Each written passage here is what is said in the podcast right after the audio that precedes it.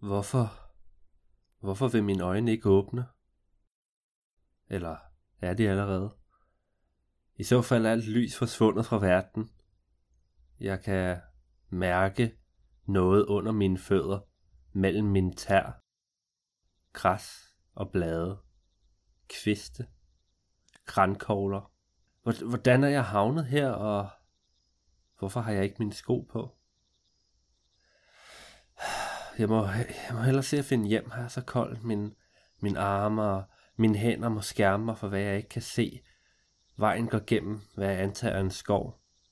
Med mine fingre føler jeg mig frem, blandt bark og busk, forbi sten og gennem vandløb. Jeg snubler ikke, skønt jeg føler, jeg burde. Hvor er jeg på vej hen? Men hvad er der sket med ham? Åh oh, nej. Ej, han ser jo forfærdelig ud. En lyd af mennesker, her, nu. Jeg må finde dem.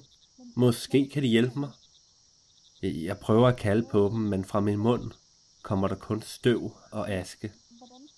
Skridt for skridt må jeg gå hen imod stemmerne.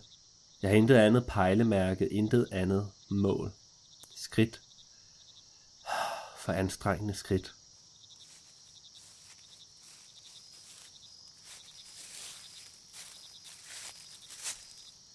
Så I ved ikke rigtig, hvornår han vågner. Hvem er det, der taler?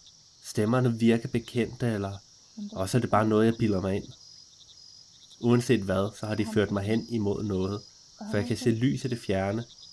Tænk sig, lys, som et fyrtårn i skovens altomsluttende mørke.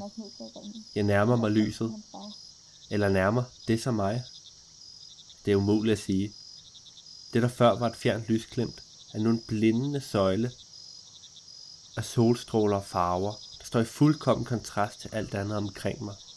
Det er en blomstereng, en lille lysning her blandt skovens usynlige træer. De sarte, røde, hvide og blå blomster svejer i, i en svag sommerbrise. De byder mig nærmere. Altså. Det ville være uhøfligt at afvise sådan en invitation. Så jeg tager de sidste skridt og står nu i lyset. Farver, Men lyden af vinden i græsset blandt blomsterne. han kommer til at få det bedre. Mine arme, mine ben, mit hår. Jeg kan se igen. Og det er det, I ikke ved. Nej.